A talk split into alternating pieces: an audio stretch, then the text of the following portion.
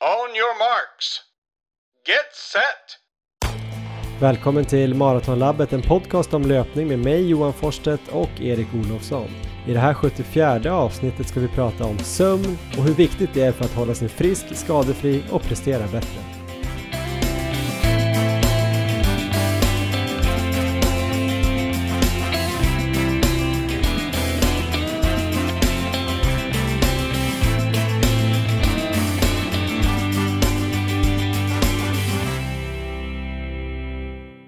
Hej och varmt välkomna allihopa till avsnitt 74 som ju ska handla om sömn.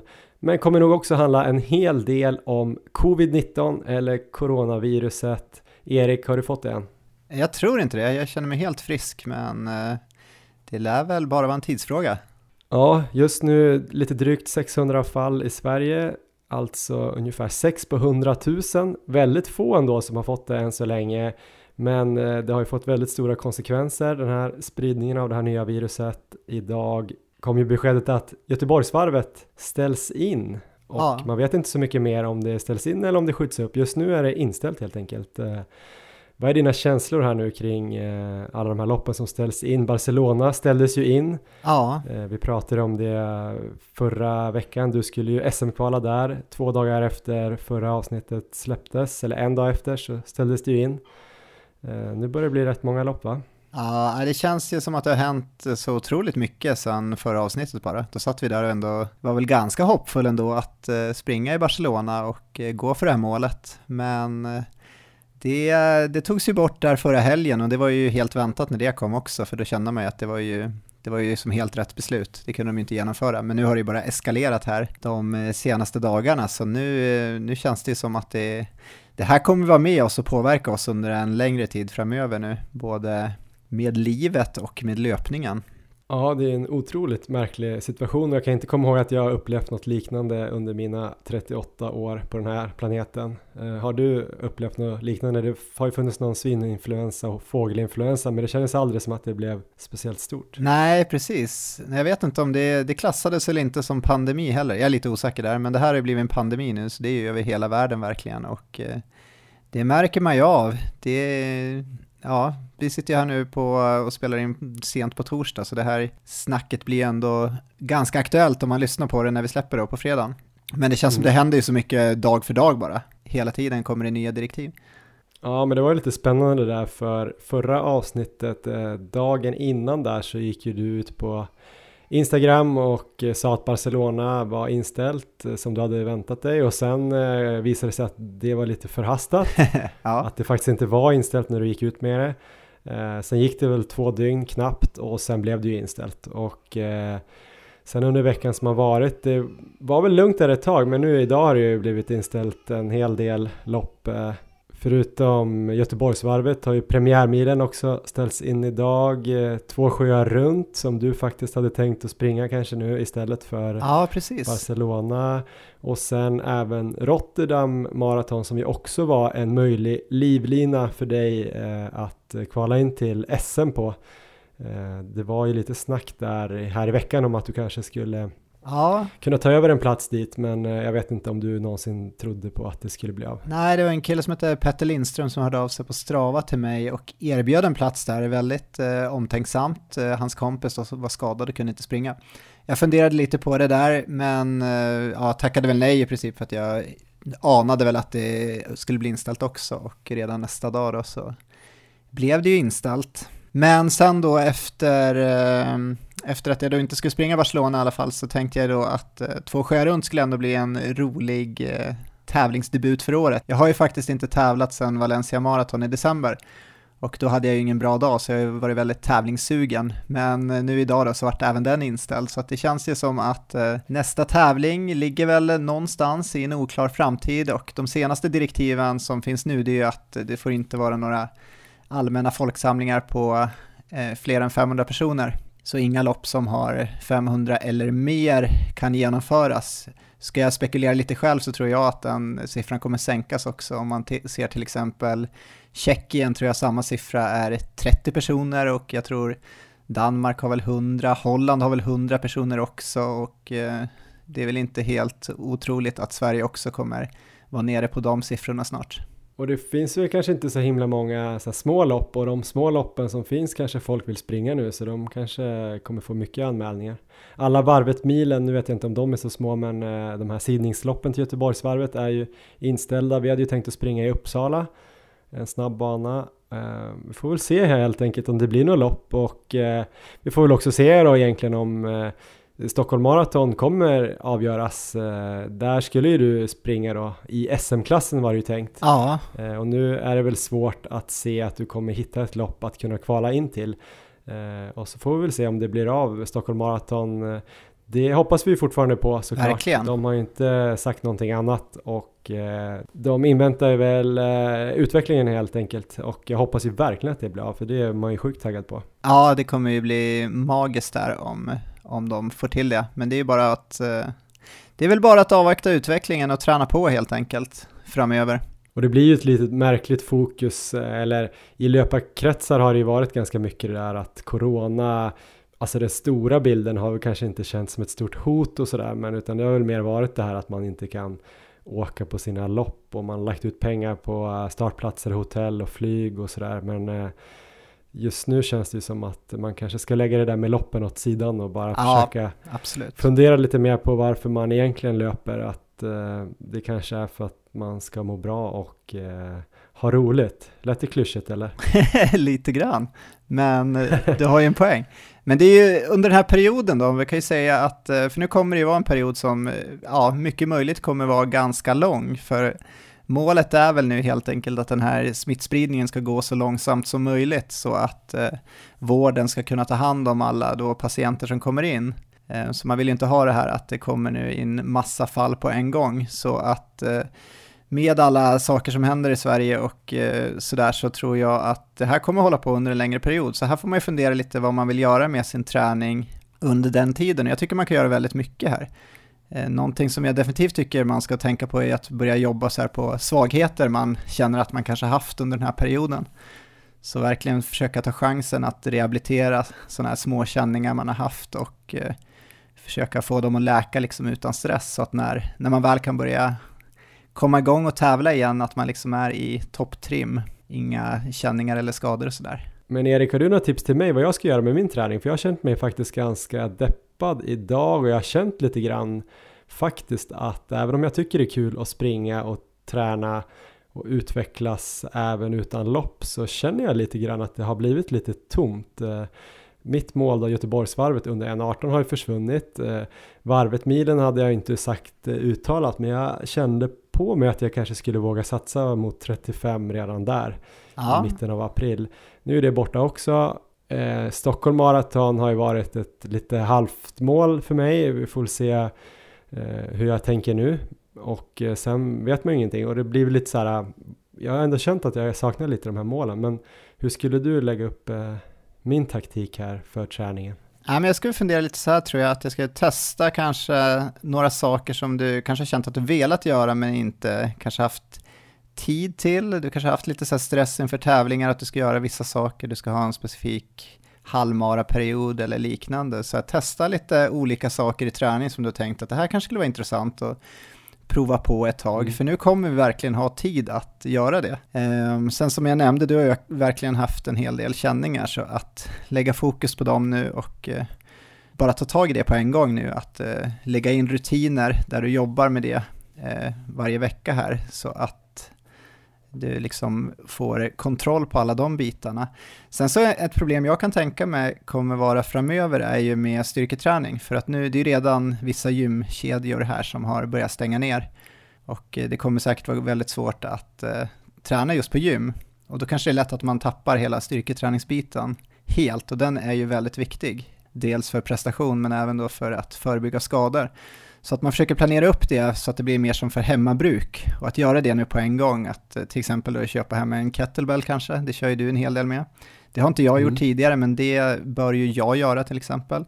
Sen så finns det ju mycket eh, styrkerutiner och program sådär som man kan lägga in i samband med löppass. Så att eh, försöka få in rutiner på det så att man eh, verkligen inte släpper styrketräningsbiten bara för att man kanske inte kan gå lika mycket till gym som man har gjort tidigare. Sen så eh, ett tips som jag skulle ge alla är väl egentligen att planera in, även om man inte har ett stort resultatmål, så planera in något eh, riktigt roligt löpmål. Det kan ju till exempel vara en fjälllöpningshelg. Det har ju vi kört en hel del.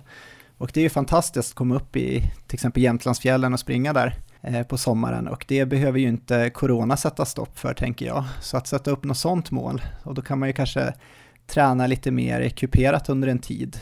Absolut, jag hade ju ett sånt mål faktiskt eh, nu här som i och för sig då, eh, det här går emot lite det här du sa, för jag hade en grej jag skulle göra här på lördag, jag skulle åka till Mallorca och springa i den bergskedjan som finns där på västra delen av ön. Det finns ju en eh, led där i bergen som går mellan byarna där. Totalt är det väl 10 sträckor och eh, den är väl 13,5 mil lång den där och jag tänkte springa den på ja, men 3,5 dagar och bara ja. med min ryggsäck och bo på hotell och sådär.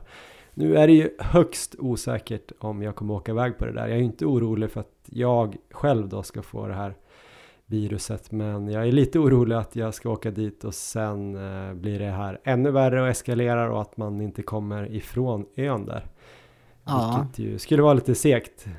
Visserligen härligt att fastna då på Mallorca kanske i vår men eh, vet inte om det skulle vara så mysigt att inte få träffa Emma och Elmer på, Nej, på några veckor.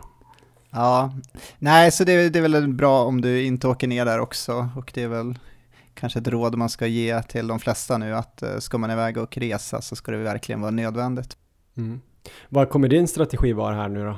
Jag antar att det är samma strategi som du har gett till alla lyssnare, men mer konkret, vad kommer du jobba på? Kommer du gå upp en högre volym? Du har ju planerat in 21 mil den här veckan och du gjorde ett femmilspass i måndags. Eh, ja. Vad är tankarna bakom det? Eh, ja, men tankarna med just det här femmilspasset, det, det bara lite blev så. Jag skulle ut och springa ett lugnt, eh, långt pass. Jag kände att eh, jag hade ju fått den insikten att Barcelona inte skulle bli av. Eh, jag hade egentligen då en formtoppningsvecka, men då tänkte jag att då, ja, det är väl bara att gå tillbaka i någon slags grundträning igen. Och då la jag in ett eh, långpass som var ganska lugnt, för det hade jag inte sprungit på länge. Jag hade ju kört alla mina långpass nära marafart där och jag kände bara att jag ville ha en sån här härlig dag Eh, och det var en riktigt härlig dag, det var solsken och 10 grader.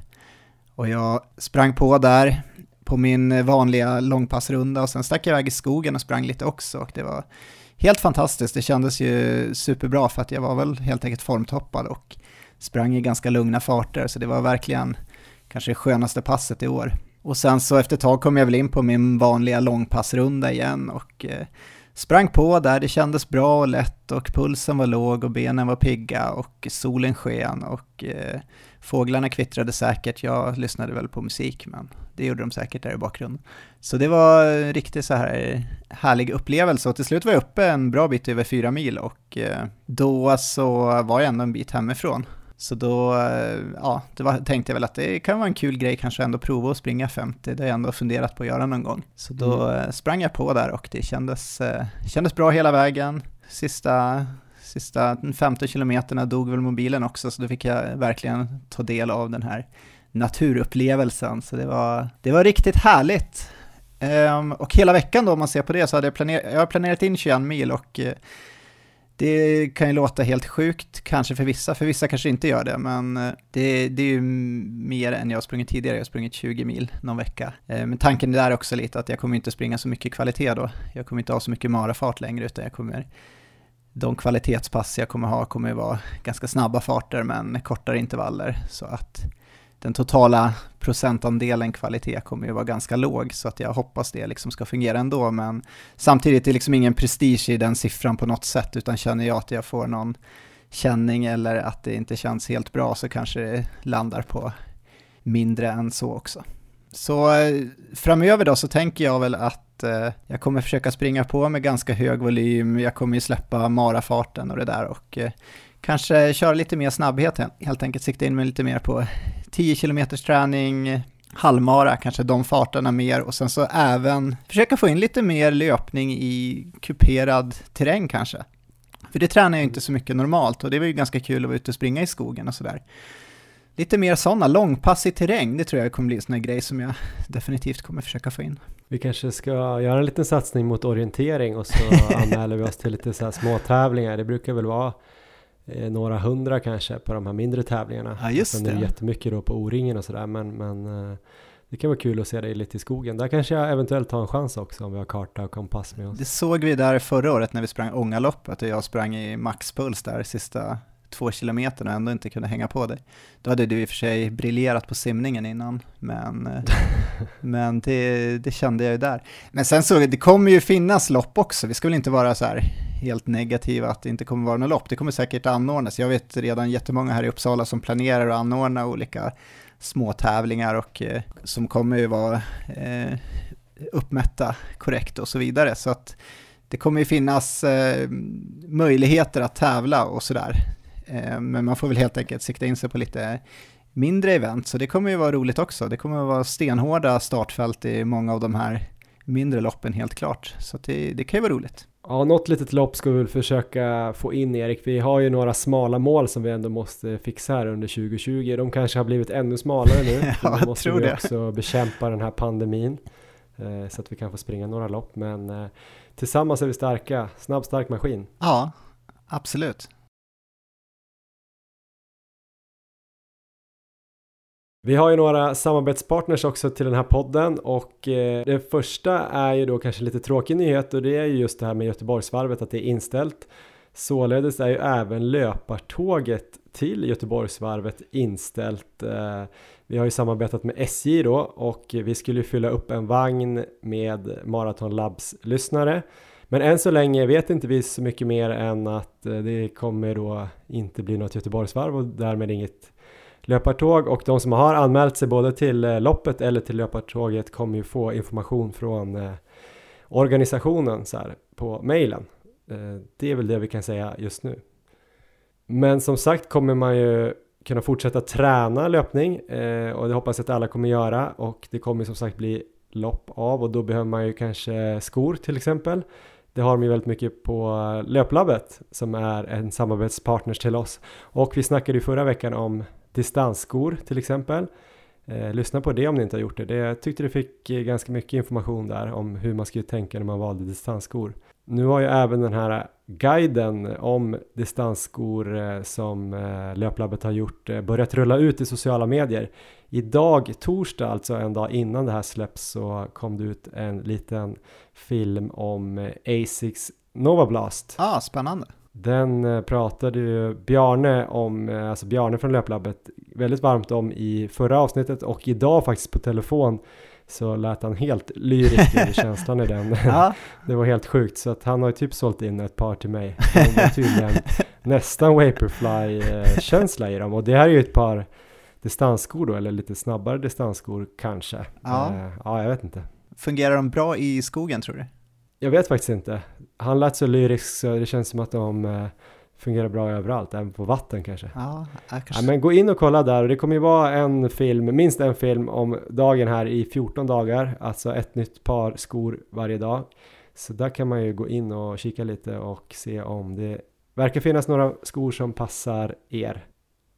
Dessutom har vi ju ett samarbete med Urbanista, det här svenska ljudföretaget kan man säga som säljer hörlurar men även lite eh, högtalare, lite så mindre högtalare. Eh, där finns det ju en kod som är Maratonlabbet på deras hemsida och den ger nu faktiskt 25% rabatt på hela deras sortiment om man handlar där på urbanista.com. De har ju tre olika sportlurar där vi har ju testat eh, Urbanista Athens som eh, jag verkligen gillar faktiskt och kan rekommendera. Du gillar dem också Erik? Ja, mycket. Jag använder dem ju på nästan alla mina pass och eh, har fungerat eh, toppenbra. Verkligen, de har ju även eh, sådana här stora utanpå öronlurar, eh, även sådana noise cancelling lurar eh, och mer vardagslurar, trådlösa. Eh, även då som jag sa lite små högtalare som man kan ha med ut på picknick eller i stugan eller vart man nu vill ha dem.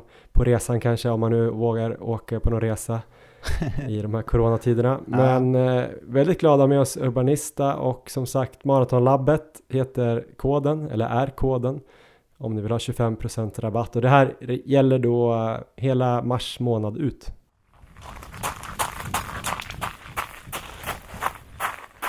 Ja men nu ska vi hoppa in i dagens ämne Erik. Vi ska ju prata lite om sömn och eh, vad betyder sömn för dig? Gillar du det Erik? Jag gillar att sova, jag tycker det är jätteskönt, men jag har insett att jag har sovit alldeles för lite och alldeles för dåligt under alldeles för många år.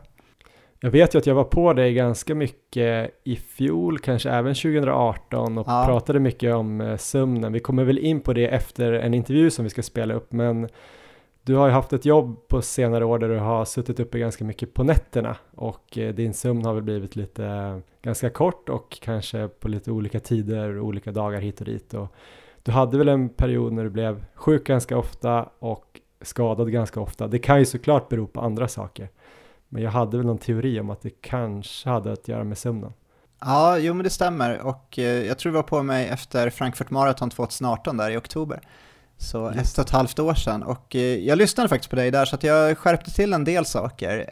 Så jag är jätteglad att du hade det snacket med mig då för eh, det har väl blivit lite bättre men jag inser att det finns mycket mer jag behöver göra och behöver tänka på. Ehm, och jag, är lite, jag blir nästan lite orolig när jag tänker tillbaka jag har haft det under de sista tio åren.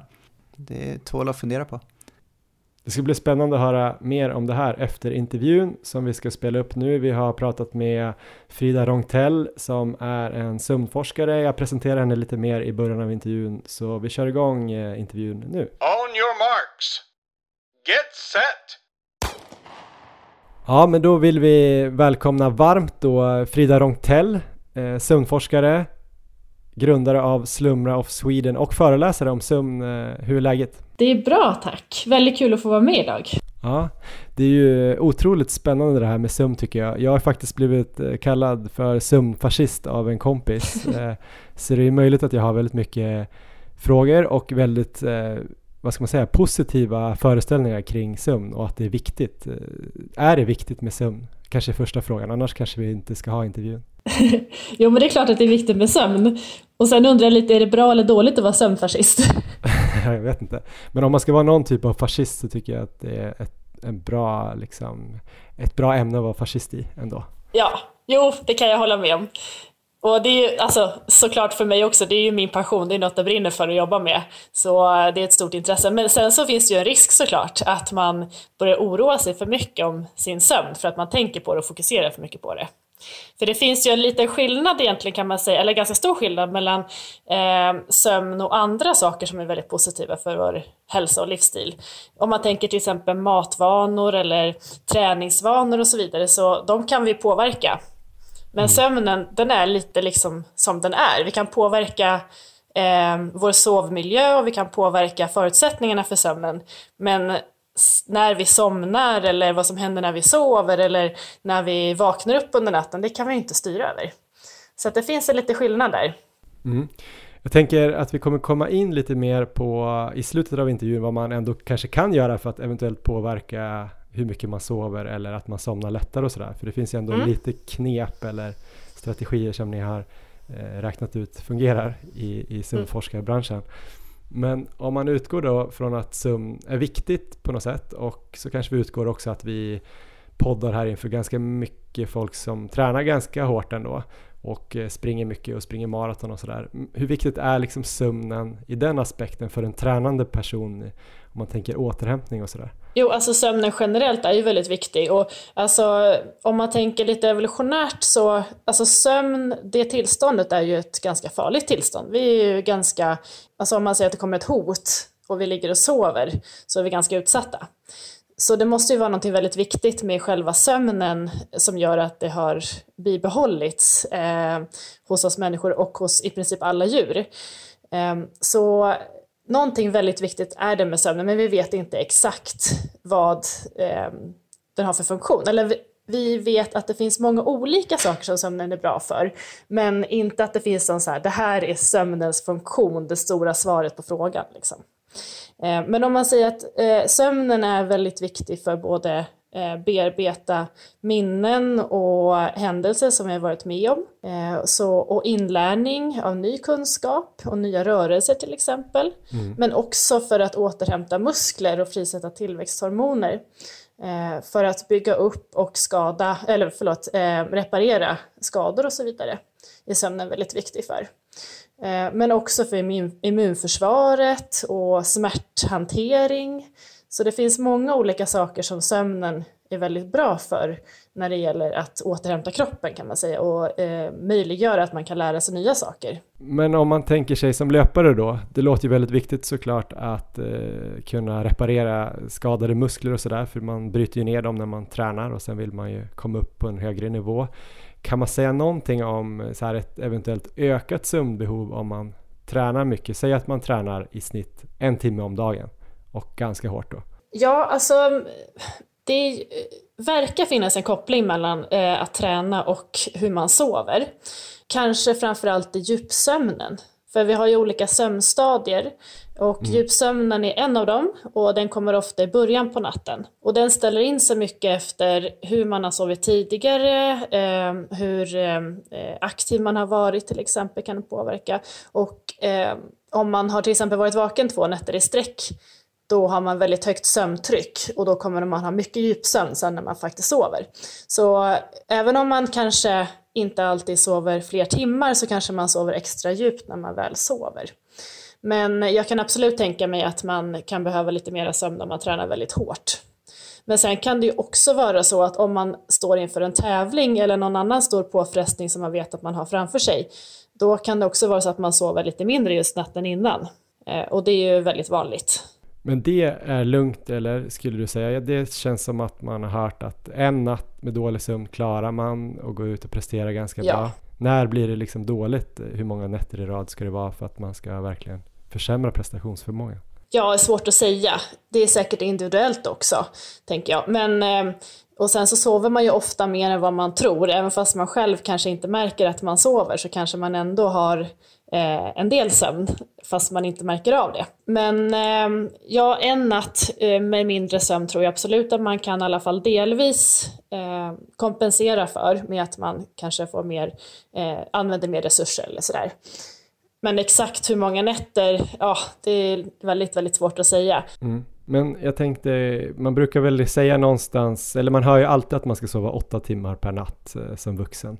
Men mm. sen brukar forskare som du själv säger att ja, men man kan inte säga åtta timmar, det är individuellt och beror på vad man gör i övrigt och lite hit och dit mm. och vilken kvalitet man har på sömnen. Men om man säger någonstans mellan sju och nio timmar, eh, så men eh, liksom behöver man mer tror du sömn om man tränar hårdare än en annan person till exempel?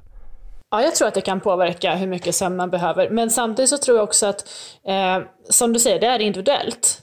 Och man behöver hitta sätt där man kan eh, se till att den tiden man ligger i sängen, att man faktiskt sover. Eh, så att det inte blir så att man tänker att nu har jag tränat hårt, nu måste jag ligga i sängen i tio timmar. Eh, och så ligger man där i två timmar och är vaken istället och sen sover man. Det blir ju inte så bra kvalitet på sömnen då och då kan det istället bli att man kopplar sängen till, alltså att hjärnan kopplar sängen till vakenhet och kanske oro till varför kan jag inte somna och så vidare. Så att man ska ju se till att den tid man spenderar i sömnen att man faktiskt sover. Men sen är det viktigt att möjliggöra att känna av tröttheten på kvällen. För om vi till exempel eh, sitter med saker som gör oss lite uppe i varv eller lite så känslomässigt engagerade, som sociala medier till exempel, då är det inte lika lätt att känna tröttheten. Nej. Och då kanske vi går och lägger oss senare än vad vi faktiskt skulle behöva. Så att, att möjliggöra att känna av trötthet på kvällen och då agera på det, alltså gå och lägga sig då. Eh, och den tiden man spenderar i sängen, att man spenderar den mestadels sovandes då tror jag att man kan eh, få lite hintar i alla fall om hur mycket sömnbehov man har just då. Och som du säger, sömnbehovet kan eh, förändras med beroende på vad man gör för någonting och vart man är i livet och så vidare. Men jag skulle nog säga att 7-9 timmar det är ju den rekommendationen man brukar säga att vuxna ungefär behöver. Eh, men som sagt, allting handlar inte om timmar, det handlar om sömnsammansättning och hur man känner sig när man är vaken och så vidare när folk blir lite äldre då, som jag själv, eh, 38 har jag blivit, men säg att man efter 30, man kanske skaffar barn, man jobbar ganska mycket, men man kanske dessutom vill träna ganska hårt. Då brukar det vara väldigt många som säger så här, men sju timmar, eh, det funkar för mig. Mm. det är som att man nästan intalar sig själv det för att man måste hinna göra alla de här andra grejerna. Ja. Hur vet man om man sover liksom tillräckligt? Eh, kan det kanske vara så då att eh, jag skulle börja få till sju och en halv timme eller åtta timmar och plötsligt mm. får jag ett lyft i all min träning, att jag får mycket bättre återhämtning och resultat eh, och effekt på min träning. Jo, så kan det absolut vara. För som sagt, det finns väldigt många sätt som vi kan lura kroppen till att vi eh, inte är trötta på kvällen till exempel, med att vara, fortsätta vara aktiv och göra saker och sådär. Ehm, men eh, man kan ju till exempel titta lite på hur sover jag de dagar som jag kanske inte jobbar eller som jag inte har någonting planerat. Sover jag mycket längre då? Det kanske kan hinta om att man har en, ett uppbyggt liksom, sömnbehov som, som man behöver ta igen. Och sen också kan man ju prova att vad händer om jag gör mindre saker på kvällen och hur känner, känner jag mig trött tidigare då och, behö, och så om jag går och lägger mig kan jag då sova åtta timmar eller åtta och en halv mm. och hur känner jag mig då? Så att man liksom testar sig fram lite grann och, och ser eh, kan jag sova längre och hur kommer det påverka mig? Kommer jag känna mig bättre? För det är nog ganska vanligt tror jag att man intalar sig att man klarar sig på mindre än vad man kanske skulle må bättre av. Och visst, man klarar sig ju säkert. Men man kanske skulle prestera bättre och man kanske skulle må bättre om man fick sova lite, lite till. Du var inne på det lite grann. Jag tror du nämnde det här med sömn och skador och sådär. Och då tänker jag också mm. på sömn och sjukdomar. Det har också mm. visat sig, finns en del studier som visar att om man har en dålig natt till och med så kan immunförsvaret bli lite rubbat bara av det. Mm. Är det hur ser du på det där med sömn och sjukdomar? För det är ju en vanlig grej att vi löpare springer mycket inför lopp och så tränar man ganska hårt kanske tre fyra veckor inför och sen ska man börja trappa ner men då kommer en sjukdom. Eh, mm. Och det är inte säkert att det kopplas till att man har, men ofta känns det som en hård period. Man sover lite för lite och så blir man känsligare. Mm. Jo, men det tror jag kan vara eh, ganska trolig förklaring. Eh, just att under den perioden när man har när man står under press och där man ska prestera och så vidare, så går ju kroppen in i en slags stresssituation eh, kan man ju säga. Och då blir det ju automatiskt nästan att man kanske so att man sover mindre. Och det kan ju vara en stress på jobbet eller i ens privatliv eller att man ska göra någon tävling eller vad det nu kan vara. Eh, och då, eh, stress och sömn går ju inte riktigt ihop utan då eh, ser kroppen det som att det är något hot som man måste förbereda sig på och sover mindre. Och sen så då när man väl ska återhämta sig då kan jag absolut tänka mig att då, då kommer det tillbaka liksom det som man inte har ja, att man kanske blir sjuk eller, eh, eller vad det nu kan vara. Men det finns ju en koppling mellan sömn och immunförsvaret, men sen vet vi inte jättemycket än vad som exakt hur den ser ut eller hur det påverkar i längre loppet än kanske bara en natt. Då kan man ju se förändringar, men vad betyder de egentligen för, för risken att bli sjuk och så vidare. Och det kan säkert spela roll, eh, individuella skillnader i hur ens immunförsvar ser ut och sådär. Eh, men det finns en koppling mellan sömn och immunförsvaret. Men man vet inte tillräckligt för att säga att till exempel immunförsvaret behöver sju timmar för att vila upp sig eller funkar bra? Eller? Nej, det skulle jag inte säga att man, att man vet. Men, eh, men det var ju någon studie som gjordes för, nu var det väl ett par år sedan, där de tittade på vaccination och eh, det som alltså långtidseffekter på det om man inte har sovit och sådär kring tiden för vaccinationen. Och då såg man effekt även på lång tid, att om man inte hade sovit när man skulle ta eh, sitt vaccin så fick det sämre effekt då på lång tid. Men inte, man, de tittade inte vad jag minns på eh, själva risken för att få den här sjukdomen utan det var just på immunförsvaret. Då. Du har ju forskat en del på sömnens effekt på inlärning och, och minne och sådär som jag förstår det. Mm. Eh, hur skulle sömnen kunna tänkas påverka en löpare i den aspekten? För man kanske tänker att en löpare inte har så tekniskt svårt eh, utförande även om det är en hel del teknik i, i löpning. Liksom. Mm. Kan det påverka tror du? Ja, det tror jag. Nu har jag tittat mest på när man liksom lär in nya, eh, nya rörelsemönster till exempel. Och där ser vi ju en, en eh, effekt av sömnen på att man då, om man får sova en natt mellan att man har lärt sig något nytt och när man ska testas på det igen, så presterar man bättre dagen efter mm. jämfört med om man har fått vara vaken. Eh, och sen finns det lite spekulationer kring vad exakt är det med sömnen som gör att vi främjar motorisk inlärning och så vidare. Men det finns också några studier som visar på att även en kort stunds vakenhet skulle kunna vara vila, vakenhet mellan att man har då lärt sig något och man ska testas igen så verkar det också vara främjande för att prestera. Men sömnen verkar ha en, en eh, egen liten effekt där på motorisk inlärning. Men sen när det gäller just eh, rörelsemönster som man redan, som man redan kan, som redan är inlärda. Eh, och sömn. Eh, jag vet faktiskt inte exakt hur den påverkan ser ut. Eh, men jag kan absolut tänka mig att utförandet av de rörelserna också kan främjas av en bra sömn. Just det. Men kanske då om man börjar lära sig någon ny liten teknikdetalj eller man ska göra någon justering i sitt löpsteg, mm. då, då ska man se till att uh, den veckan så sover man extra bra. Precis. Men om man nu vill sova lite extra bra eller man känner på sig att uh, alltså jag måste ta tag i det här med sömnen. Finns det någonting eller vad är viktigt då för att uh, kunna sova då kanske bättre och även då somna tidigare? Vad kan mm. man göra för att få till sin sömnkvalitet? Ja, det finns ju en hel rad olika saker som man kan tänka på och man får väl liksom ta åt sig av det som man, man får väl se över sitt eget liv och sina egna rutiner och livsstil och se vad kan jag förändra. Eh, men något man kan tänka på är dygnsrytmen till exempel. Den tror jag är ganska underskattad. Just det här att eh, våra kroppar då anpassar, vi har ju alla en egen liten klocka inuti oss mm. som hjälper oss att hålla dygnsrytmen och eh, hjälper oss att säga till när det är mest fördelaktigt att äta och sova och vara vaken och så vidare. Mm. Och den hjälper oss att säga då att på dagen ska vi vara vakna och aktiva och på kvällen och natten så ska vi främja att kunna sova. Och den här klockan ställs in med ljuset framförallt, även temperatur men, men mest ljuset. Eh, och helst då solljus utomhus, för det är oftast väldigt mycket starkare än det ljus vi har inomhus. Så då kan man ju tänka på att försöka få ljus på dagen och framförallt kanske på förmiddagen hjälper oss att ställa in dygnsrytmen på ett bra sätt. Mm. Så att gå ut och få ljuset eh, och sen att man istället på kvällen har det ganska mörkt och nersläckt. För då kommer det istället signalera till kroppen att ah, nu är det dags för vila, nu är det kväll. Och då kommer det frisätta melatonin som är ett sånt här hormon som gör oss trötta och förbereder oss för sängen.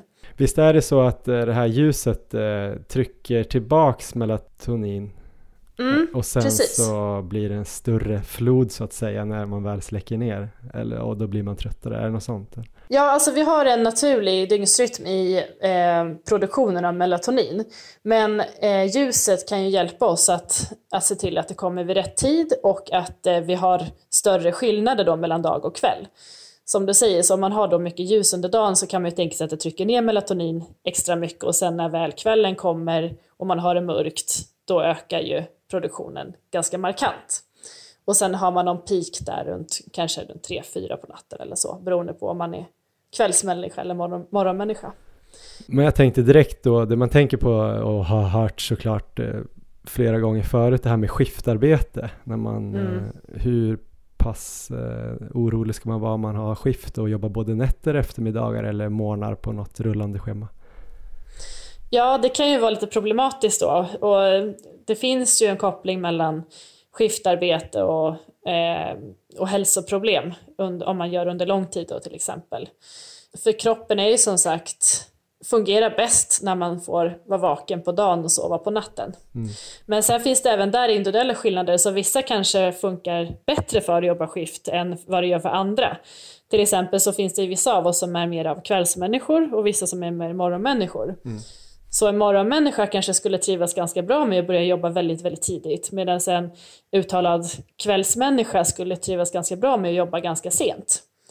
Så att eh, det varierar nog lite beroende på eh, hur, hur man är som person. Det här att vara kvälls eller morgonmänniska, kan man justera det på lite längre sikt eller är man det liksom eh, av naturen så att säga? Jag har ju fått eh, ett barn här eh, för ett och ett halvt år sedan och jag har ju mm. känt mig som en kvällsmänniska som gärna sover lite längre och är uppe lite och är ganska kreativ på kvällen men nu känns det som att jag tyvärr inte kan välja det längre för då får jag inte sova tillräckligt. Kan mm. jag bli en morgon, morgonmänniska istället? Ja, alltså om vi är kvällsmänniska eller morgonmänniska, det, eh, dels så, så är det genetiskt. Så att eh, det är liksom inpräntat i oss. Men sen så förändras det med livet också. Så när vi är tonåringar till exempel så är det ofta väldigt vanligt att man är mer, mer tendenser åt kvällsmänniskahållet. Eh, men sen när vi blir äldre så är det vanligt att man går mer mot att bli morgonmänniska. Men sen så, som du säger, livsstil och eh, vilket ljus vi får och så vidare, det påverkar det här också. Så om vi lever mer mer enligt de naturliga ljusförhållandena då kan man säga med ljus på dagen och mörker på kvällen mm. så är det lättare att bli lite mer av en morgonmänniska för då skiftar man tillbaka det liksom. Just det. Eh, så det påverkar ju. Det är ju en interaktion där mellan livsstil och genetiskt och så vidare. Och ja, alltså har man barn, jag vet det, det är liksom, man är trött på kvällen för att det, det är då man får sova ungefär. Eh, och då får man ta tillfället i akt, även om man kanske skulle vilja vara mer av en kvällsmänniska. Du pratade lite det här om eh, knepet att vara ute på dagen och sen ha eh, mm. en bra rutin eller en eh, återkommande rutin och dygnsrytm. Finns det mm. andra så här knep eller, eller fel som man ska undvika? Nej men sen en sak som man absolut kan tänka på det är koffein. Och eh, om man dricker kaffe till exempel, energidryck eller sådär, det har ju ganska lång effekt i, i kroppen, längre kanske än vad man tror.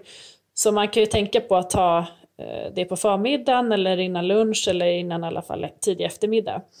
Och sen att man undviker det på efter, eh, senare eftermiddag och kvällen. För att det sen inte ska påverka när man väl ska gå och lägga sig. Och samma sak med alkohol eller nikotin och sådär.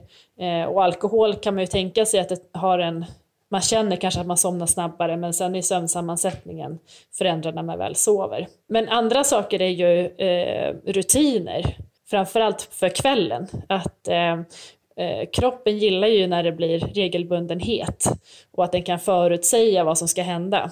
Och kanske framförallt när man har barn har man ju säkert märkt att för barn så är rutiner, eh, de reagerar jättepositivt på det. Mm. Eh, och det är ju egentligen samma sak för oss vuxna. Att har vi bra kvällsrutiner så kommer kroppen redan veta vad som ska hända eh, och då förbereda sig bättre på att okej, okay, nu är det här som händer, då ska jag sen vila och lägga mig i sängen och då är det sova. Eh, så det kan vara en sak att se över sina kvällsrutiner och då kan man ju tänka att ju närmare sänggående man kommer, desto mer ska det främja lugn och avslappning. Eh, och saker som man kanske inte tänker på att det påverkar sömnen, det är ju det här med upprym, upprymd eh, och det känslomässiga eh, engagemanget.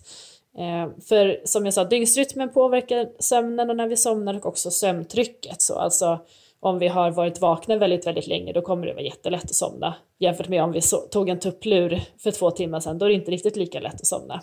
Men om man då tänker just på det här med eh, uppvärmningen så saker som till exempel kolla på en tv-serie eller läsa en väldigt, väldigt spännande bok eller eh, kolla sociala medier eller jobbmail och sådär. Allt det där har ju potential att påverka våra känslor. Och då kanske man kan se över, kan jag göra det tidigare under kvällen så att jag inte gör det precis i anslutning till att jag ska gå och lägga mig? Och också kanske se över, finns det saker jag kan ta bort från min kvällsrutin så att jag gör färre saker? För jag tror att det är väldigt lätt att planera in att ja, nu har barnen somnat, nu ska jag hinna diska och jag ska hinna jobba lite och sen så ska jag hinna slappna av i en tv-serie och sen ska jag läsa lite och sen så, ja. Och det är liksom, det är mycket som man tänker ska hinnas med men eh, jag tror att om man ska lyckas hitta det här lugnet och avslappning och möjliggöra att man kan känna trötthet på ett bra sätt när man faktiskt är trött, då kan det vara värt att se över om man kan reducera den listan. En annan grej jag tänkte på nu när du sa det här med upprymdhet och eh, vakenhet eller komma igång, det är ju att om man då kanske har ett sånt jobb så att man inte kan springa på dagen, men mm. man vill ändå få till ett pass och så gör man det ganska sent och kanske man kommer hem och lagar mat och så sticker man ut vid åtta och kör intervaller. Mm. Är det en sak som kommer göra att det är svårare eller lättare att somna? Ja, alltså jag kan ju tänka mig att om man, om man gör precis innan man ska sova så kan det nog bli lite svårare att somna. Eh, att man kan bli just då lite upprymd och eh, att kroppen har varit då aktiv och är i aktiv mode, man säger, och inte riktigt i det här sova-mode. eh, men där tror jag man får känna lite själv också.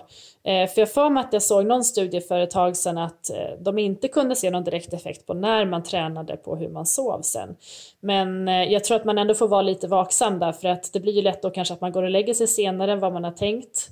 Och då kanske man får mindre sömn och så blir det en liten ond spiral att man sen känner sig trött under dagen och så kanske man inte presterar lika bra och så vidare. Så att eh, om man känner sig trött så kanske man ska någon gång då och då gå och lägga sig och sova. Mm. En grej är ju hur mycket man sover i absolut tid eller absoluta tal, men en annan mm. sak är den här kvaliteten och de här olika stadierna. Är det några olika stadier som är olika viktiga för till exempel muskelåteruppbyggnad och sådär? Alltså, man brukar säga att vi har fyra sömnstadier. Eh, och i början på natten har vi mycket av djupsömn och sen ju närmare morgonen vi kommer desto mer REM-sömn får vi. Eh, och, om man säger, och sen så har vi stadie 2-sömn som sker ungefär eh, genom hela natten.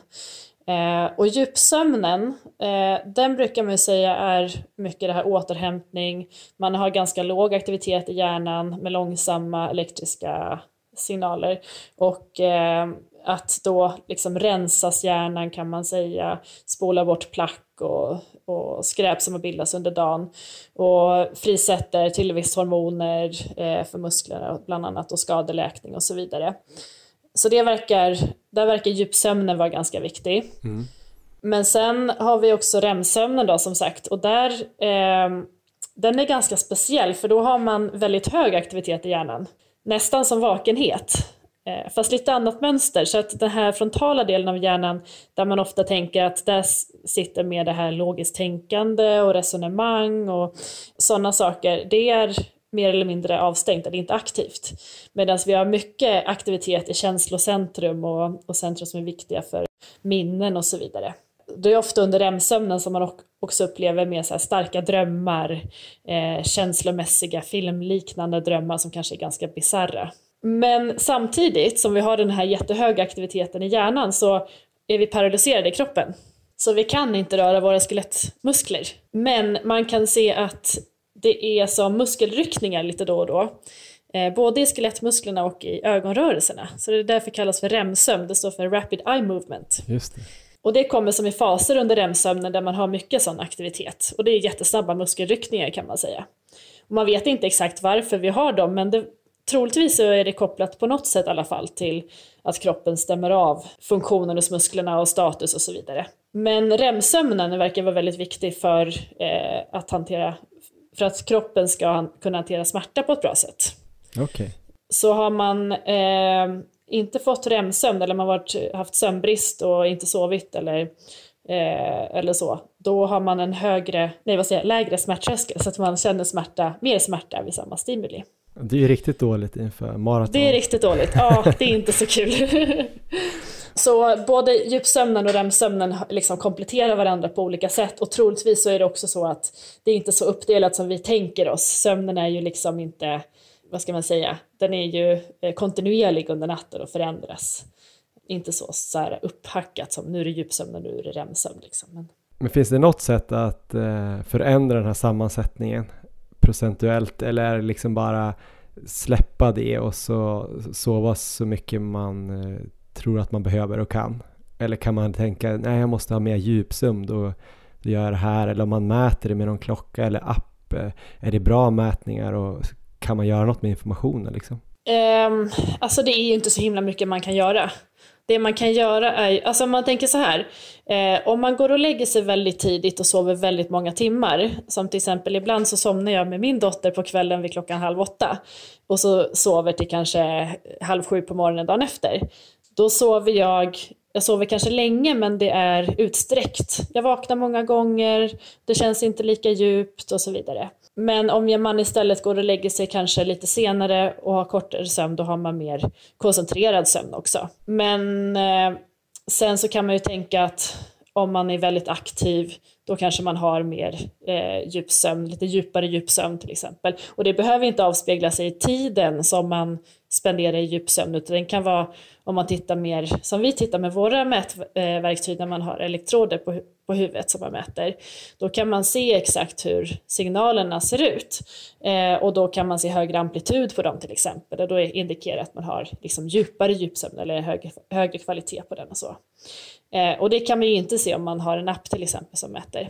Annars, det är inte så himla mycket vi kan göra för att påverka det mer än att skapa så bra förutsättningar för en bra sömn som möjligt. Men jag tänkte, jag har ju också lite det här problemet nu att jag har väl blivit ganska bra på att lägga mig i hyfsat bra tid men det blir oftast några uppvak på grund av eh, min kära son. Mm. Hur påverkar det om jag liksom kanske har tio till halv sju i sängen men jag kanske vaknar en gång vid ett och en gång vid fyra?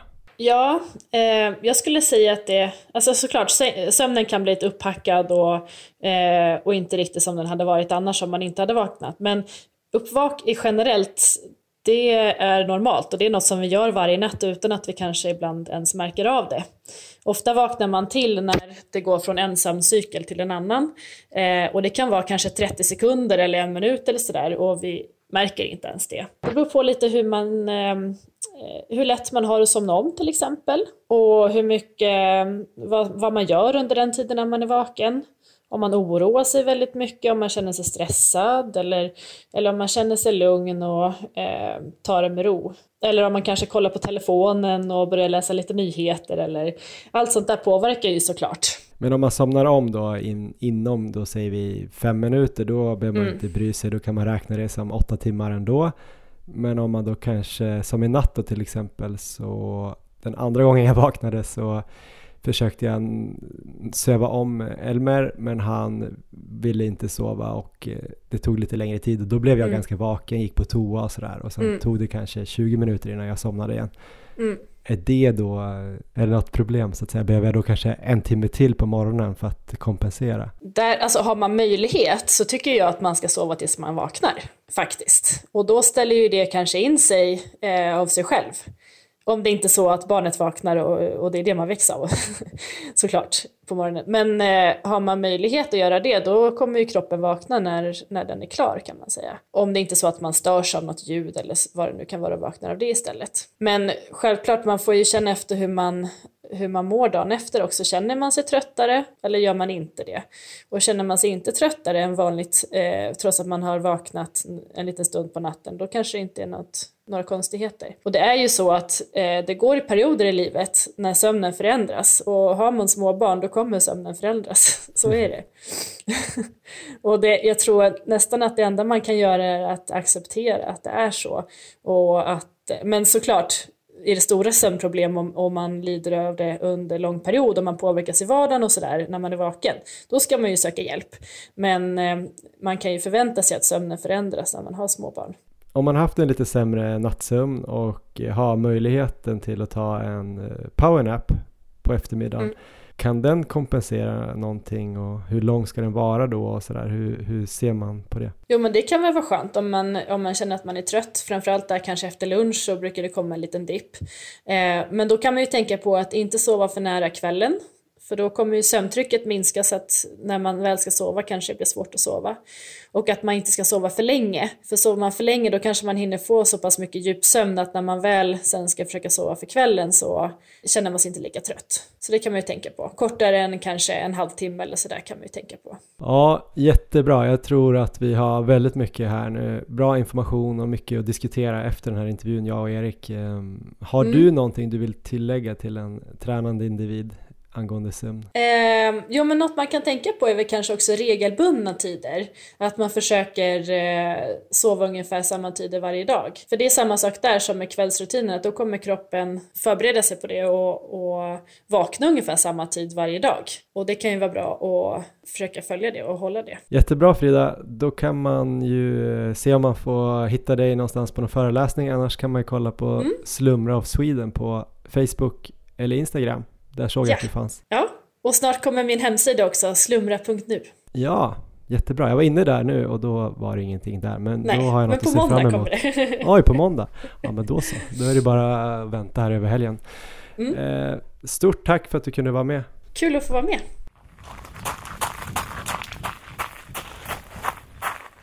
Ja, vi tackar återigen då Frida Rongtell för att hon tog sig tid att vara med i den här intervjun. Jag kom ju ut där i intervjun som sömnfascist. Eh, har du också blivit en sömnfascist på senare tid? Och kanske när du lyssnar på det här?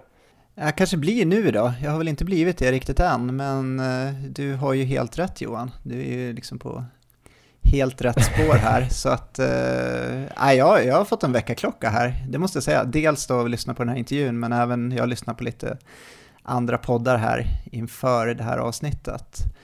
Och, eh, ja. Vi pratade ju lite när vi planerade vårens eh, säsong här. Vi har haft med, eller jag har haft med det här med att vi borde prata om sömn ända sedan typ 2018. Ja. Sen pratade vi lite om återhämtning i ett avsnitt med Göran Kente och då tror jag vi var inne lite grann på sömn, men det kändes som att sömn skulle kunna vara ett helt, eh, ett ämne som skulle räcka för ett helt avsnitt. Sen kände vi väl båda kanske, det kanske är lite tråkigt att prata om sömn. egentligen, på ett sätt. Lite sömnigt så att säga. Men eh, vi får väl se om det var det. Men jag tycker i alla fall att eh, det tål att pratas om. Men det är också som du säger, man kan ju bli orolig för att man sover för lite. Det kanske inte heller är bra, men du sa lite innan intervjun att du hade varit lite orolig för hur det hade sett ut tidigare. Hur tänkte du när du sa det och hur tänker du på framtiden? Vad borde du korrigera? Ja, men eh, som, vi, som ni var inne på lite här i intervjun då med just det här med skiftarbete och att arbeta nätter. Jag har ju gjort det senaste, senaste tio åren snart. Så jag har jobbat kväll och natt och eh, sen har jag dessutom en son på fem år så att eh, min rytm har ju varit att jag ändå har vaknat upp ofta innan klockan sju på morgonen så att det har varit många nätter med otroligt lite sömn och det är även svårt att liksom ta igen den här sömnen med powernaps och så vidare. Så jag tror jag har legat på ett sömnunderskott ganska konstant under otroligt lång tid.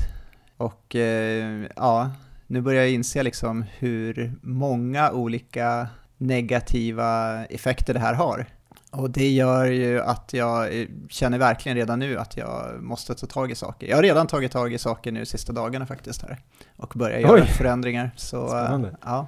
Vad har du gjort för förändringar då om man får fråga? Nej men jag sitter ju ofta då, eh, för de som inte vet det så har jag livnärt mig på att spela online-poker eh, under många år.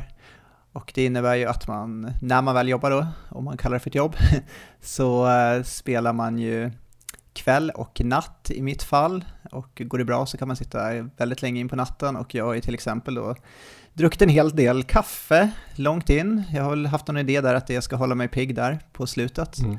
Och eh, att då sitta och dricka kaffe på natten och sen så försöka gå och lägga sig efteråt, det säger sig själv här efter att ha lyssnat på intervjun och läst på lite att det är ju helt förkastligt. Så det har jag ju försökt plocka bort nu, rakt av. Ehm, och sen så även det här att man då sitter, i mitt fall då sitter fram, framför en skärm långt in på natten och sen så ska gå och lägga sig och sova direkt efter då. Ehm, det går ju inte heller. Och det har jag ju känt av att det brukar ju ta en bra tag efter man har slutat att spela tills man väl kan somna. Ehm, så att det känns ju som en, eh, ett otroligt dåligt upplägg egentligen. Och eh, det får mig nästan att fundera på om det här liksom är värt att fortsätta. Jag ser ju andra fördelar såklart med det. Och eh, det har ju på ett sätt fungerat bra ihop med löpningen för då har jag kunnat springa på dagarna.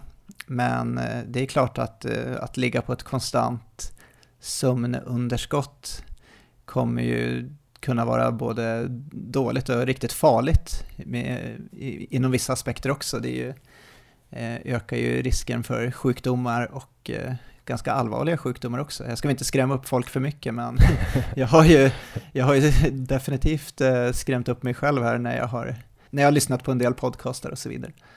Vi pratade lite i intervjun just om eh, alltså att man har lättare att bli sjuk, alltså att man kanske kan få sjukdomar som eh, förkylningar ja. lättare om man sover lite för lite. Det har gjorts studier där man har haft olika grupper som har sovit olika länge och sen så utsatte de då för ett virus där de sprutade in i näsan och så såg de hur, eh, eller vilka som blev sjuka helt enkelt. Just och då visade det. de ju då att det var, tror jag, fyra gånger så stor risk att bli smittad av det här viruset om man hade sovit under sex timmar tror jag det var. Så det är ju en grej, att immunförsvaret verkar må bra av att eh, få sova ordentligt. Men tänker du på liksom allvarligare sjukdomar på lång sikt? Ja, men jag lyssnade på, på Joe Rogans podcast. Han hade med en man som heter Matthew Walker som är professor i neurovetenskap och psykologi på universitetet i Kalifornien och han är även en grundare av The Center of Human Sleep Science, så han har ju verkligen stenkoll på precis de här grejerna. Och han berättade ju dels, det var ganska intressant just det här eh, när vi går över från sommartid och vintertid för mm. det påverkar ju ändå om det var 1,6 miljarder människor i 70 länder, tror jag, som har den övergången. Och eh, när vi då förlorar en timmes sömn så har man kunnat se en ökning av 24% när det gäller antalet hjärtattacker till exempel. Och Oj. istället när vi då tjänar en timme så kan man se en 21% minskning av hjärtattacker. Och det säger ju en hel del, för det är bara en timme sömn som liksom går åt ena hållet eller andra. Och han berättade även om en testgrupp då som fick sova fyra timmar under en natt. Så det var bara en natt när de liksom drog ner på sömnen till fyra timmar då och då kunde man se en 70% nedgång i någonting som man kallar för natural killer cells, alltså det var så celler som motarbetar cancerceller som alla då producerar i kroppen. Ehm, och det, ja, då, det säger sig självt att eh, gör man det under tio år och många nätter så det, det känns ju inte så bra. Det tror jag de hade testat även i en svensk studie. Jag tror inte det var på just eh, alltså att, eh, mot cancer så, men de hade bara testat en natt av dålig sömn. Ja. Eh, så märkte de att eh, det påverkade de vita blodkropparna som har koppling till immunförsvaret. Eh, och att det var lättare då att bli sjuk bara genom att sova dåligt en natt. Och det tycker jag ibland, nu är det så här anekdotisk bevisföring, jag blir inte sjuk så himla ofta, men ja. ibland när man har haft en natt eller kanske två nätter skräp så känns det som att det är som ett brev på posten att man får något skit då alltså. Ja, verkligen. Så det, är ju, det är ju verkligen en del där med sömnbrist när det gäller sjukdomar och eh, de riskerna. Men om man då tänker också till löpningen så där har vi ju väldigt många negativa aspekter med att ligga på ett sömnunderskott.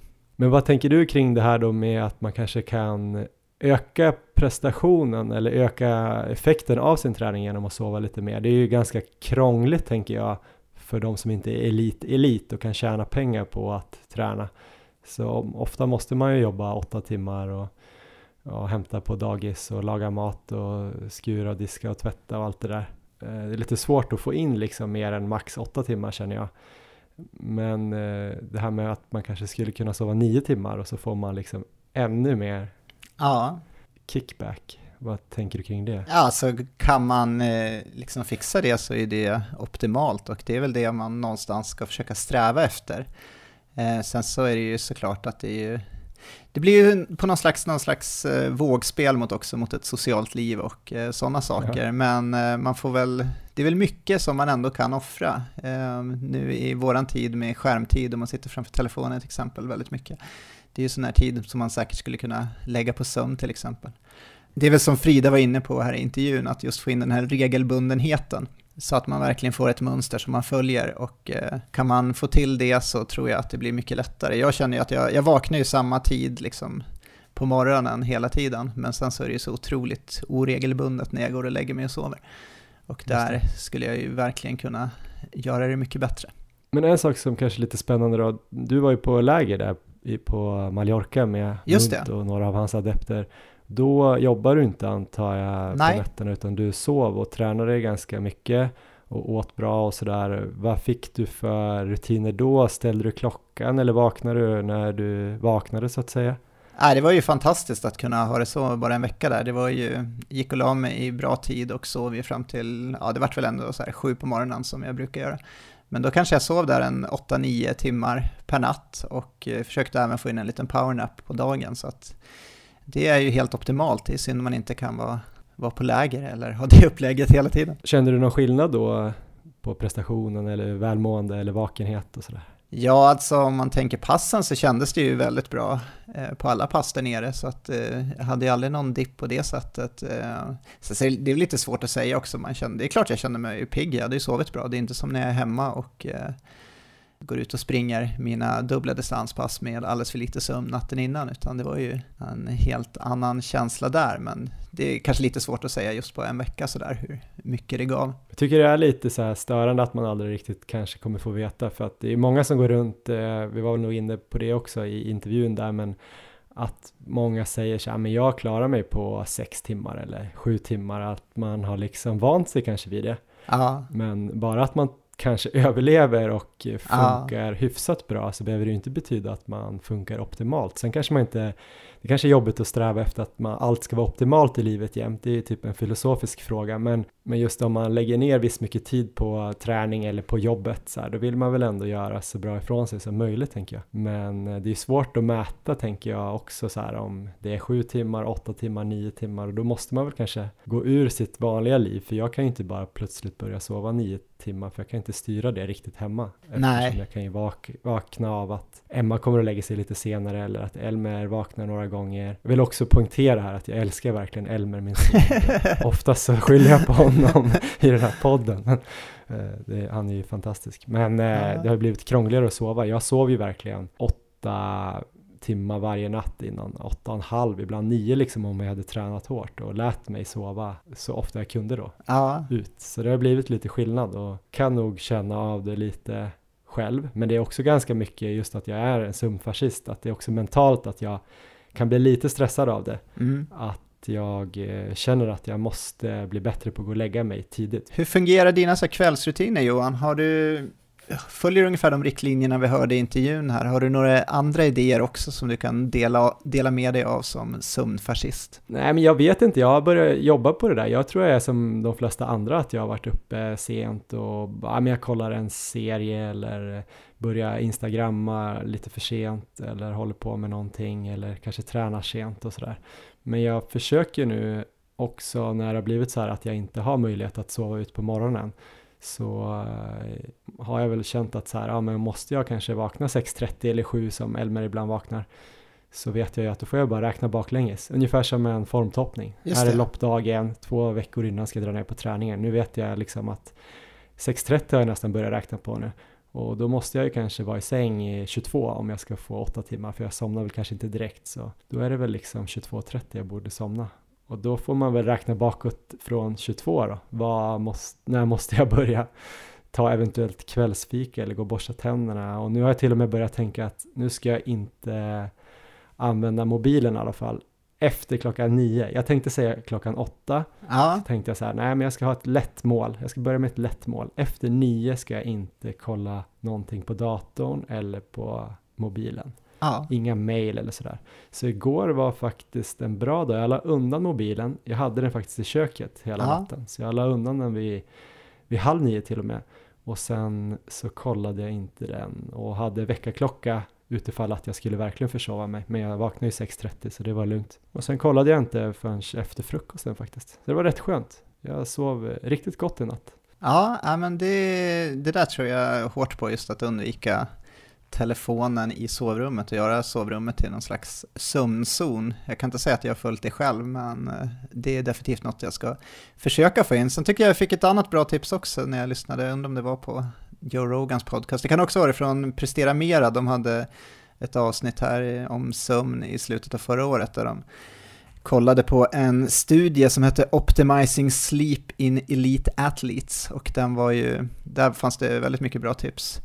Och eh, en sak var ju att eh, på kvällen då, sista timmen, så kunde man till exempel släcka ner hälften av lamporna hemma. Ehm, så att man bara liksom hade det ganska mörkt. Det behöver inte vara helt mörkt, men ändå inte så att det är helt, helt ljust och sådär. Och ehm, det ska jag också försöka ta med mig. Och om du då som sitter och kollar på någon serie kanske, då kanske man kan välja någon serie som inte är så spännande. En lite tråkig, riktigt tråkig serie. så eh, ja, så behöver man inte liksom fundera på den sen när man väl går och lägger sig. Men det har jag faktiskt gjort nu. Igår var det väldigt mörkt hemma. Jag tror jag blev extra påverkad av intervjun som jag gjorde med Frida. Men Ja. eh, ja, släcka ner brukar jag göra. Det tycker jag är skönt. Och sen en grej som jag tror är verkligen A och O. Det är ju det här med att försöka få ljuset på dagen. Det Ja. har jag faktiskt eh, varit fascist kring eh, flera år tillbaks. Att Ja. jag har haft ett jobb ofta där jag kan liksom kanske sticka ut och träna typ eh, innan lunch gillar jag att träna. Jag presterar ganska bra och jag mår ganska bra om jag får träna kanske vid 11 och sen eh, kunna komma in och, och käka lunch direkt efter och sen jobbar jag på liksom Ja. på eftermiddagen. Och så har jag gjort det på kvällen, eh, kanske inte behöver träna igen, behöver inte köra dubbelpass varje dag som du. Då mår jag väldigt bra, det kan känna väldigt stor skillnad om eh, man har fått det där ljuset. Det vet man ju själv om man är ute, alltså hela dagarna kanske man är på någon, jag vet inte, fjällresa på påsk eller på sommaren när vi har varit ute och sprungit liksom Mm. eh, i, i fjällen, att man är ute en hel dag. Man brukar ju säga att eh, fjället suger, brukar man säga det? Eller sjön som suger. Ja men skitsamma. Man är i alla fall ute hela dagen och tänker att man, är- man är självklart också fysiskt aktiv så det spelar in. Men man, då brukar man ju fan slockna klockan åtta ju. Ja, Så det är väl för att man får det där melatoninpåslaget där som blir ganska starkt. Eh, ja, men det är väl en av de få sakerna jag gör bra kanske. Och det är just att få solljus på dagen. För jag är ute ofta på de här dubbelpassen, ute och springer. Men det kanske kan vara ett tips att plocka upp om man har möjligheten, även ett vanligt jobb så att säga, om man inte har liksom att man sitter där man måste vara vissa tider, men man kanske är på ett kontor 8 till 5 liksom. Ja, Om man då kan få in att springa på lunchen. Det känns ju jätteviktigt. Ute så känns det som ett magiskt tips att ja. då kanske ta en och en halv timmes lunch om man har möjlighet. Så man ja. springer en timme, duschar och käkar på en halvtimme. Så kanske man får jobba då en halvtimme längre om det går. Eh, men då tror jag att eh, det kommer nog vara väldigt bra för sömnkvalitet och sådär. Jag märkte faktiskt att jag tränade med hovet här då, Fredrikshov, ja. någon kväll som jag är ganska ovan att köra på kvällen då. Och speciellt är jag ganska ovan att köra riktigt hårt. Så det var någon fartlek, halvmarafart, 5K-fart som blev riktigt hårt. Mycket syra på mig. Ja. då kom jag hem och var lite så här äh, speedad. Den natten kom jag ihåg att jag sov ganska dåligt liksom. För då okay. kom jag kanske hem vid åtta och tänkte lite på det där passet och sådär. Jag, jag tror att eh, jag blev liksom inte trött sådär utmattad på ett skönt sätt utan jag var mer såhär uppe i varv liksom. Det kändes som att det var fight or flight eh, mode på mig när jag skulle gå och lägga mig. Så det tror jag kanske att jag blev lite påverkad av. Ja, just det. Um, hur tänker du Johan när det gäller uh, temperatur när du ska sova? Ja, men jag gillar att ha kallt, typ 18 grader. Eh, den här väckarklockan jag har som jag faktiskt köpte någonstans eh, råkade ha så att termometer inbyggd, så det är ganska bra att ha den i, i sovrummet. Vi har rätt kallt. Emma, Emma klagar en del och typ går ofta och lägger sig i morgonrocken i början tills hon har fått upp värmen under täcket. Men eh, jag eh, trivs väldigt bra med kallt. Jag tror att det är bra också. Ja, men jag håller med. Jag kommer ihåg den här varma sommaren, om det var 2018 va? Då det. var det ju väldigt svårt att uh, sova med kall temperatur. Det brukade jag ta så kalla duschar precis innan jag skulle lägga mig. Iskalla duschar så att jag gick och la mig, ner, gick och la mig nedkyld i alla fall för att väl kunna somna. Um, men då, jag fick ett tips här från den här podden med Matthew Walker som jag pratade om som var lite så här, det kändes lite motsägelsefullt i alla fall, men han pratade om att den viktigaste delen liksom att kyla ned och innan man ska sova är bålen. Och någonting som faktiskt kan fungera är att ta ett varmt bad innan man ska sova. Um, och tanken då är väl att uh, blodet då och uh, ja, värmen då i, långa loppet ska liksom komma ut i huden. Man vet ju att huden typ i ansiktet, att man blir lite så här rödflammig kanske efter ett bad. Och det som händer då är att båltemperaturen sjunker drastiskt, eh, vilket okay. då ska underlätta för insomnandet.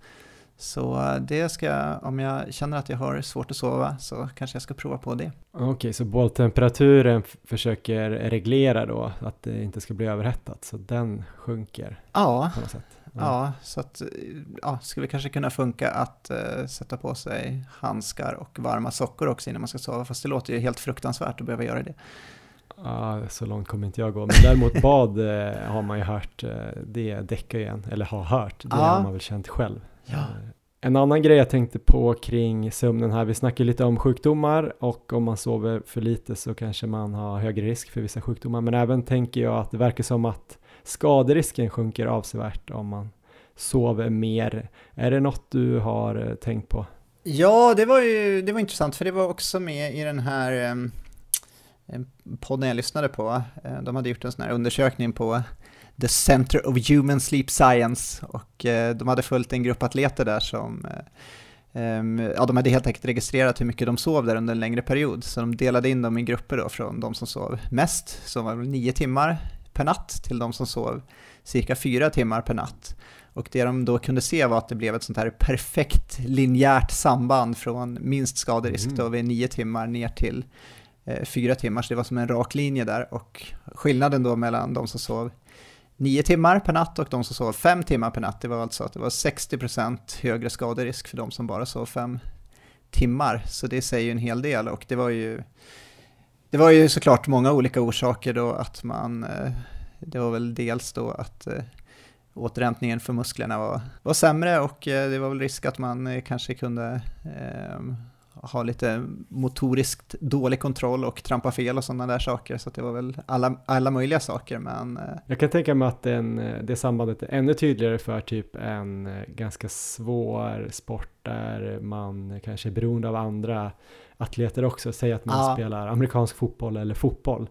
Att man ska hålla på och bedöma avstånd och sen kommer någon och ska tackla en och så här. För just att det påverkar ju hjärnans vaksamhet och sådär. Just att man kör ju bil sämre om man har sömnbrist till exempel. Även om man kanske inte tror det så har man sämre reaktionsförmåga sådär. Ja. Löpning kanske, där är man ju sällan beroende på att om man inte springer 800 eller 1500 och blir lite knuffar och sådär så är det ju, Mm. man ju ganska skyddad på det sättet. Det är ganska enkelt på något sätt att springa.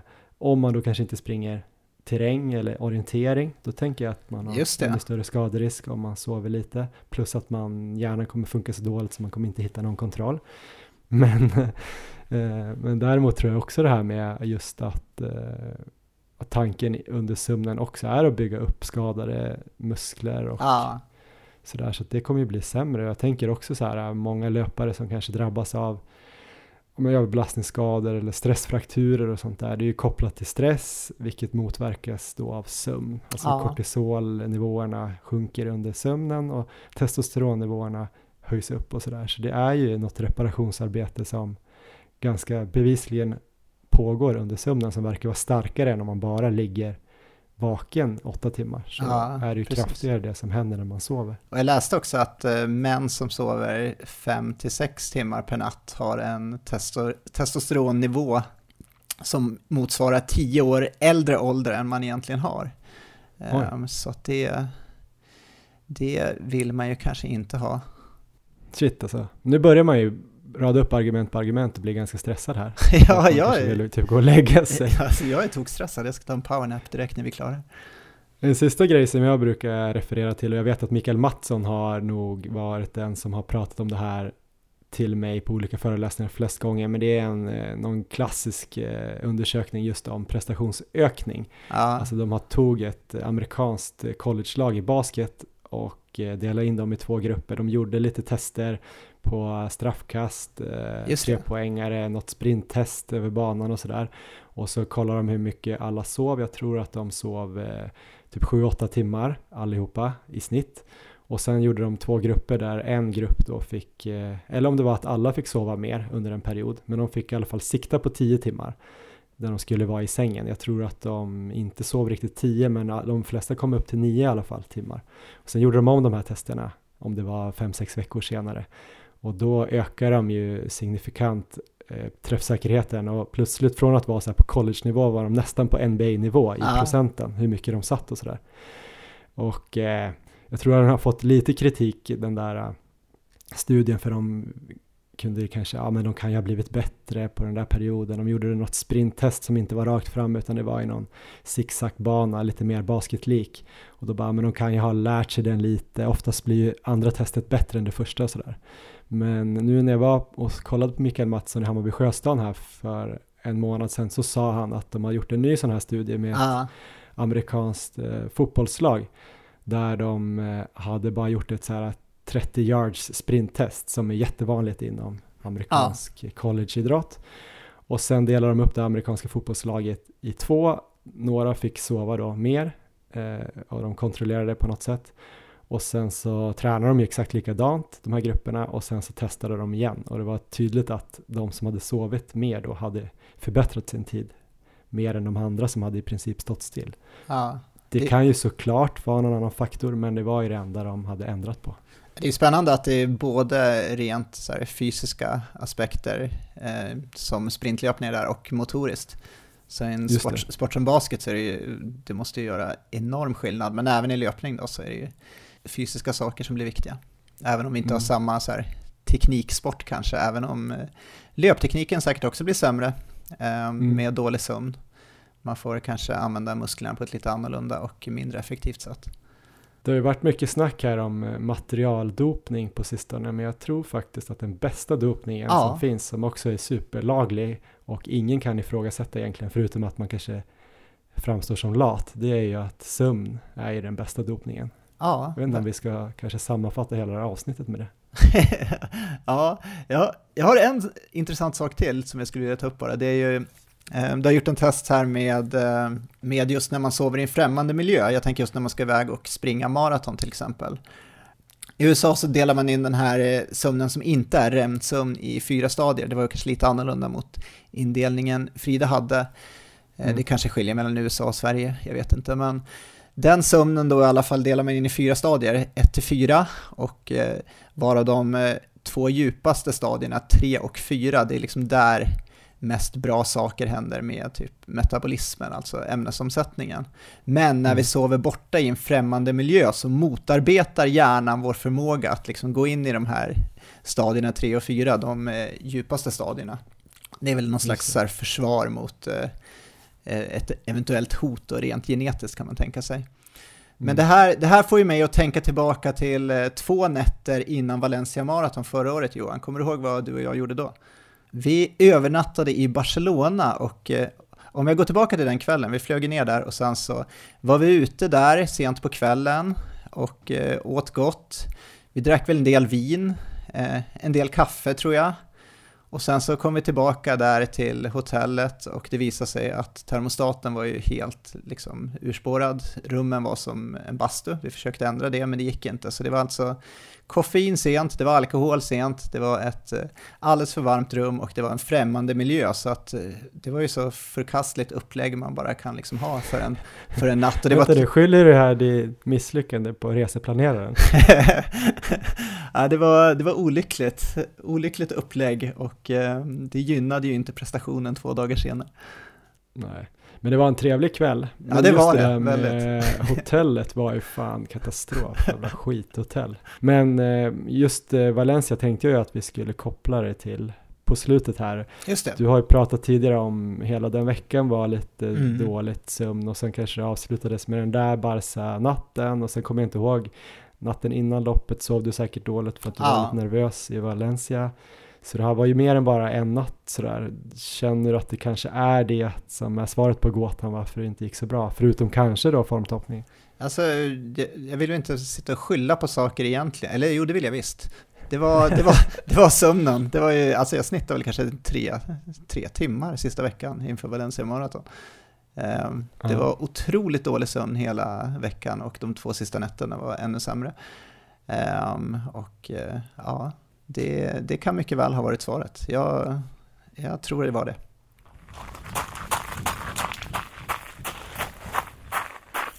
Ja, det var ett eh, långt sjok här om sömn och jag antar att eh, om man ska vara ännu bättre skyddad mot det här nya viruset så gäller det att sova bra för jag antar att det kommer fästa ännu sämre då, eller vad tror du Erik? Ja, jag tror sömnen är ju en nyckel framöver och definitivt för mig. Så ja, jag har fått mycket att tänka på. Det var ju också lite roligt här för precis innan vi skulle spela in det här så var jag inne på Instagram och så såg jag att, jag vet inte om det var några olympier eller om det var friidrottare bara eh, i det olympiska laget eller om man ska säga som har gått in i något samarbete med något sängföretag eller vad det var. Ja. Eh, så jag såg där att både Kalle Berglund och Andreas Kramer gjorde riktigt episka skådespelarinsatser här eh, just och de försökte prata om hur sömn var viktigt för dem. Okay. Så det kan jag tipsa om. Jag vet inte, de känns lite bättre på att springa än på att göra reklamfilmer men nu kanske jag sticker ut hakan. De är säkert jättebra på att sova. De verkar ju sjukt bra på att sova eh, eftersom det är därför de är så bra tror jag också. Ja. Vi ska ju försöka ladda om här nu då. Erik, ja. för dig blir det väl antagligen inget SM-kval då som det verkar. Nej, det ser tufft ut. Det ser tufft ut och eh, för mig blir det då kanske ingen halvmara i vår. Jag vet inte om det kommer dyka upp någon. Eh, vi får väl se hur det utvecklar sig. Om det är någon annan halvmara i Sverige som kommer att gå av stapeln.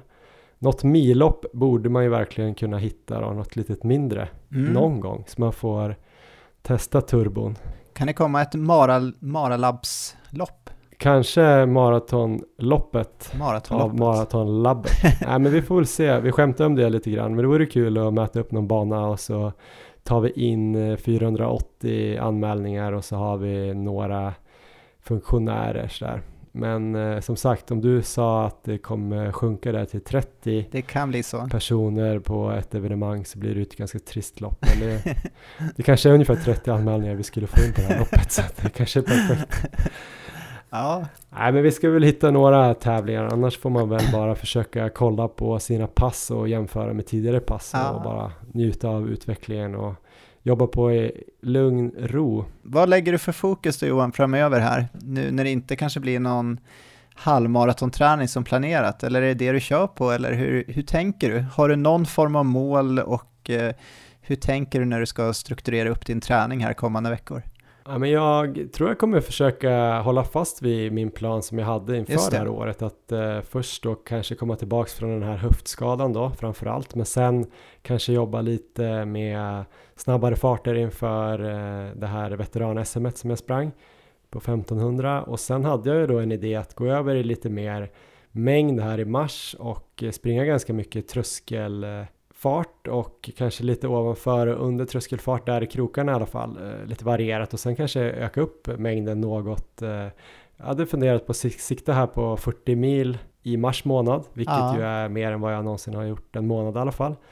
Eh, men det, jag tror jag kommer hålla fast vid det. Det är också lite som du var inne på, där att göra något som jag kanske inte har gjort och det kanske är att öka volymen lite grann. Ja. Så får se hur, hur det kommer kännas. Jag kände att jag svarade ganska bra på det här dubbeltröskelgrejen. Jag hade ju en liten Andreas Almgren light-vecka där i eh, januari, februari där innan jag blev sjuk. Ehm, så eh, jag svarade bra på den veckan tyckte jag att det kändes som att eh, det var inte så hårt och då körde jag två dubbeltröskelpass och ett långpass och fick upp ganska fin volym så jag kanske kommer satsa på det lite mer då. Det gillar jag att du pratar här om dubbeltrösklar, för det var vi lite inne på där efter Lidingöloppet och krampproblemen det var ju min teori där att det kanske skulle hjälpa dina krampproblem framöver. Så det tycker väl jag är utmärkt om du har möjlighet att liksom få in det en hel del nu med dubbeltröskel så tror jag att det kan vara bra att köra det så kommer det nog eh, det kommer bli intressant där framåt, eh,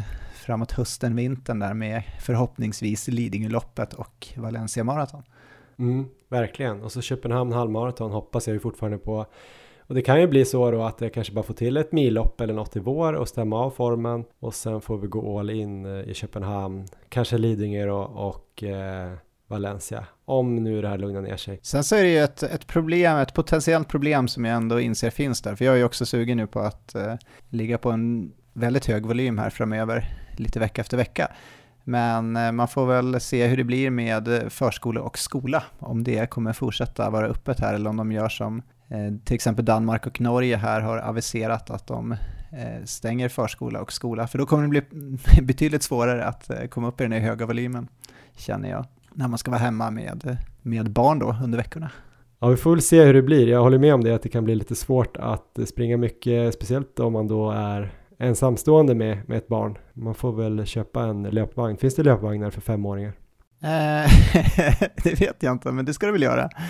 Ja, nej men faktiskt just nu när vi spelar in så har ju utbildningsminister Anna Ekström en presskonferens här om eh, läget och just nu kommer de inte stänga skolorna i alla fall. Det var ja. ju snack om att det kanske skulle bli från och med måndag. Just det. Men eh, det kan fortfarande bli aktuellt om läget förvärras då. Men det sista vi vet är i alla fall att Elmer får gå på förskolan imorgon och fortsätta gå så att du och jag kan träna och det är väl det viktigaste. ja. Så får vi hoppas att han inte drar med sig någonting hem därifrån då. Nej men ska vi vara, ska vi vara lite seriösa på slutet så det viktigaste är väl ändå här att vi, vi hjälper till här med att eh, minimera risken för spridning av corona. Och vad kan vi då göra som löpare? Jag såg från, eh, från Holland här, de hade eh, rekommenderat lite nya hälsningsrutiner där man de hälsade med armbågen istället, istället för att ta i hand. Så att det, det kan vara en grej man gör och sen så om man eh, tränar i grupp, för det kan man ju fortfarande göra Ehm, om de inte minskar de här allmänna grupperna till långt under 30 så kan man ju ändå träna i löpargrupper och då kanske ändå försöka hålla lite mer avstånd när man tränar ihop än vad man normalt gör. Ehm, sen så, ja, försöka springa ute nu då. Jag brukar ju vara väldigt positiv till löpan på gym och eh, ändå rekommendera att köra en hel del träning där så att man också får med styrkebiten. Men just under den här perioden vi har framför oss nu så är det väl bättre att försöka springa ute och sen lägga in någon slags styrkerutin i samband med det. Folk kommer kanske nu gå och hamstra kettlebells. Har du tänkt på det? Gymmen har Mitt gym i Stockholm, jag tränar ju på Sats, där har de ju precis eh, beslutat att stänga ner i två veckor. Det slår ju väldigt hårt mot de här som eh, kör eh, alternativträning som redan har en skada. För då måste man väl ut och försöka cykla eller det är ju jobbigt att köra så här vattenlöpning nu i Årstaviken. Det. det är ju lite kallt och så. I och för sig har de kanske inte pool på Sats heller. Men, men alla som kör crosstrainer och sånt. Det Aj, finns ju sådana här el elliptical, alltså som crosstrainer som man kan köra som en cykel utomhus också. Ja. Jag har faktiskt inte sett någon sån i Sverige än. Men jag vet att det verkar vara lite vanligare i USA har jag sett. Så det är kanske något som man borde köpa aktier i. Ja, verkligen. Ja, vi får se hur det här utvecklar sig och vi hoppas såklart att eh, det kommer gå bra och att smittspridningen stannar av såklart.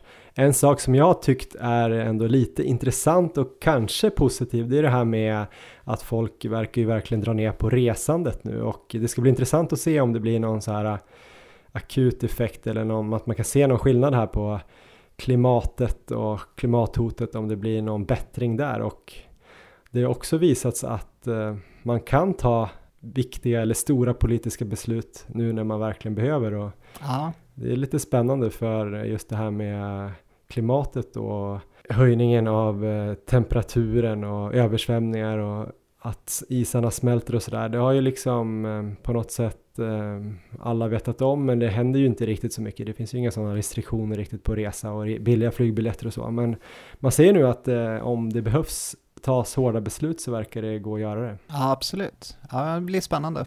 Ja, Erik, vi får väl se om vi kanske kan få till ett pass ihop här framöver istället för att åka iväg och springa ja. på andra ställen. Precis, vi får, vi får försöka få in det. Det vore trevligt. Och så får vi också se om de närmsta avsnitten här kommer spelas in med mig i Mallorca eller om jag är här hemma och spelar in. Jag tycker nog att du bör stanna hemma om jag får, får avsluta mitt råd. Det får du. Tack så jättemycket Erik. Ja, vi hörs.